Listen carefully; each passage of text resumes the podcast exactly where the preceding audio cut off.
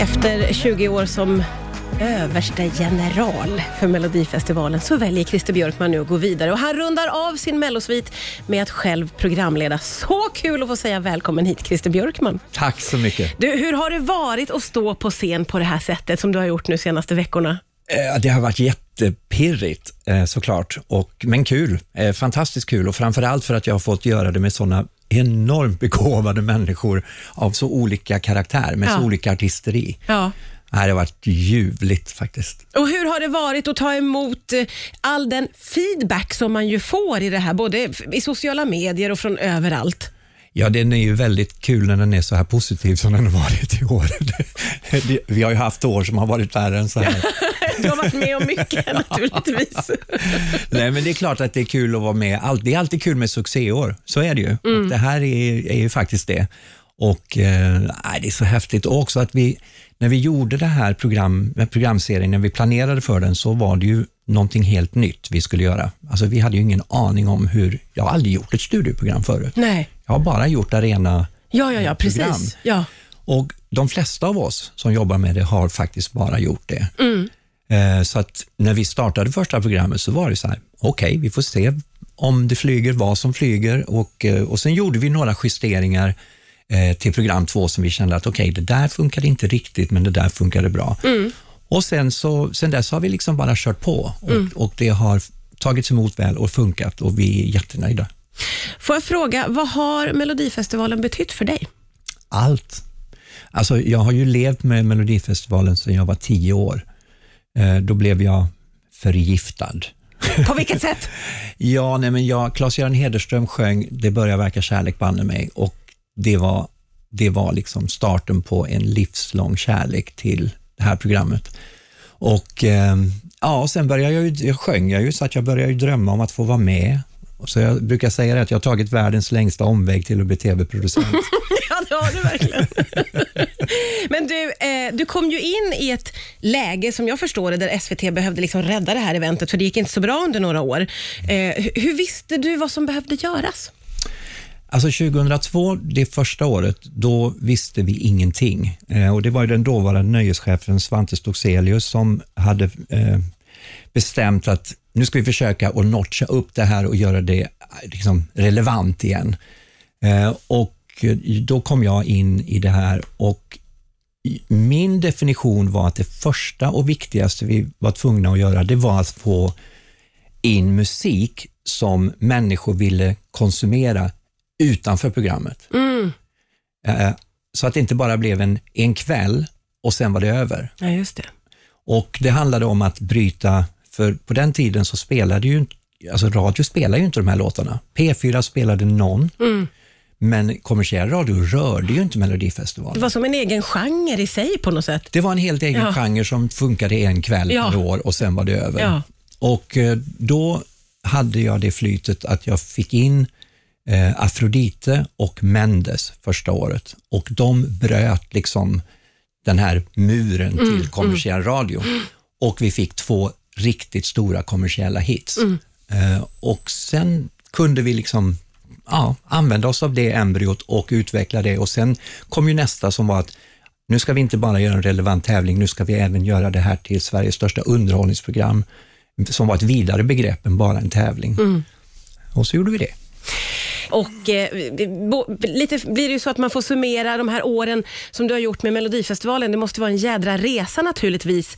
Eh, men det är inte som att det tar slut, för du ska ju vidare. Ja, jädrar. Du ska ta Melodifestivalen och Eurovision till USA. Ja, om allt går som vi hoppas så ska det. Hur ska det funka rent praktiskt? Ja, alltså tanken är ju att det kommer bli en uh, utslagningstävling först mellan eh, de här staterna som är då drygt 50. Och eh, så då kommer det ju på, på ett sätt likna Melodifestivalen kan man säga, Ja. liksom deltävlingar. Ja. Och sen kommer det mynna ut i två semifinaler och en final. Och eh, det blir som en, ja, det blir nästan som en hel tv-säsong egentligen. Det blir alltså fem plus tre, åtta veckor i så fall. Oj! Och, och på vilket sätt kommer du att vara involverad i det här? Ja, alltså, jag och tre kollegor har ju eh, förvärvat licensrätten att göra det här i USA, på den amerikanska marknaden. Så vi har ju gjort ett, eh, ett eh, format eh, som, som funkar för att få in alla stater, som är godkänt av EBU. Mm. Och eh, vi ska ju då supervisa eh, en tv-kanal i, i USA till att göra det här. Och, och när i tid kommer det här att rullas ut på TV, tror du? Ja, om allting blir signat och klart, vilket det inte är just nu. Vi, vi försörjer en väldig massa jurister just nu. Åh, vad mycket papper som ska läsas och skrivas. Herregud, i USA, du anar inte. Eh, Så ja, nej, men tanken är och förhoppningen är fortfarande att det här ska hända våren 22. Ja, det är så pass. Jajamän. Så det är verkligen inga planer på att liksom dra ner på tempot och ta det lugnt och ligga i någon hängmatta i någon trädgård? Nej, Nej. Det, det får vi ta sen. Det får vi ta sen. Ja. Men vad är det som lockar med det här USA-äventyret då? Nej, men alltså, att få göra det här, alltså dels få göra ett helt nytt format av ett gammalt, eh, rensa bort allt det där som bara på något sätt är i vägen, bara för att ha gammal tradition eller gammal vana och börja på nytt och göra det rent och fräscht och enkelt och anpassat till idag. Eh, väldigt många saker i Eurovision funkar ju bara för att vi är så vana vid att de är på det sättet. Till exempel att 40 länder ska lämna sina poäng Just och det tar nästan en timma. Det, Där kan man tappa lite fart i tv-soffan. Där blir det lite, oj, oj, oj, kan vara lite tufft. ja, och det, det finns säkert bättre sätt att göra det på idag. Ah, ja, ja, så du kan få ta nya grepp lite grann Ja. om den här tävlingen. Exakt. Kommer det här att kräva att eh, du flyttar över och bor i ett stort mansion i USA? Ja, så stora mansion tror jag inte vi kommer ha råd med. inte i alla fall i början. Nej, men vi, ja, vi kommer absolut att vara där och jobba därifrån eh, så fort vi får. Än så länge får vi ju inte. Eh, du har ju eh, i och med de här senaste 20 åren eh, blivit en riktig maktfigur i Sverige vad gäller eh, musik. Eh, Hur ser du på det? Ja, det har ju blivit en följd. Det var inte det, var inte det jag eftersökte, utan jag ville ju att mitt älsklingsprogram skulle bli bättre. Mm. Och då blev ju det här en effekt, eh, att, det, att det blev så, en maktfaktor. Om. Men samtidigt har jag alltid sagt så här att jag, jag gör ju det, jag, jag gör ju det här på ett uppdrag av TV-kanalen och de vill att jag ska åstadkomma en tävling som skapar hits och som skapar karriärer eh, och ibland eh, återuppväcker lite slocknade karriärer eller bortglömda.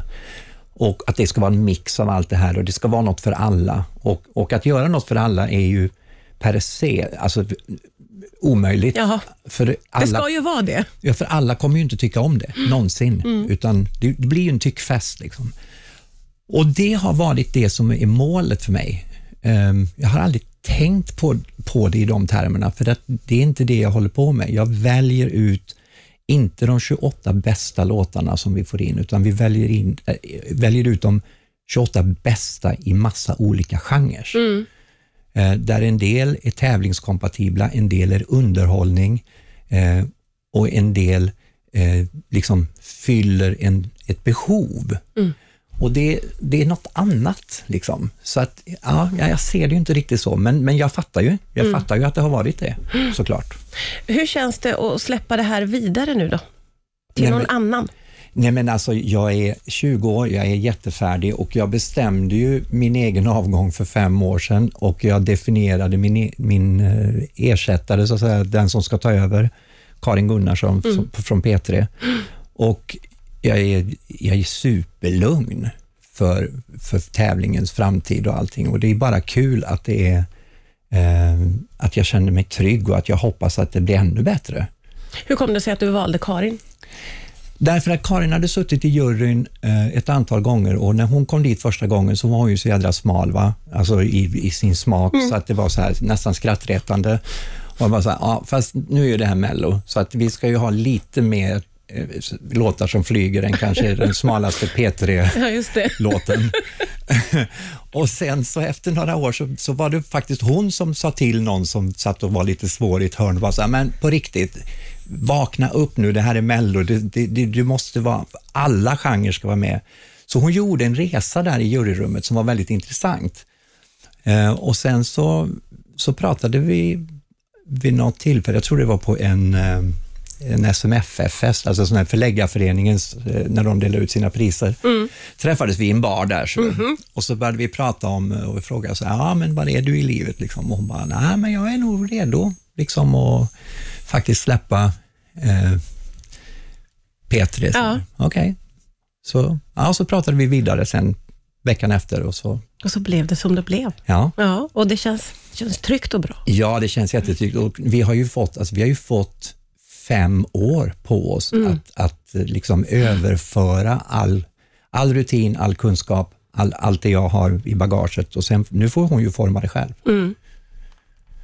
Spännande och spännande också att se vad som ska hända på lördag. Då är det dags igen, då är det andra chansen. Ja, herregud vad det går fort. Ja. Och gud vilken spännande final det kommer bli. Ja, det, det, vi har fortfarande mycket att se fram emot, får man säga.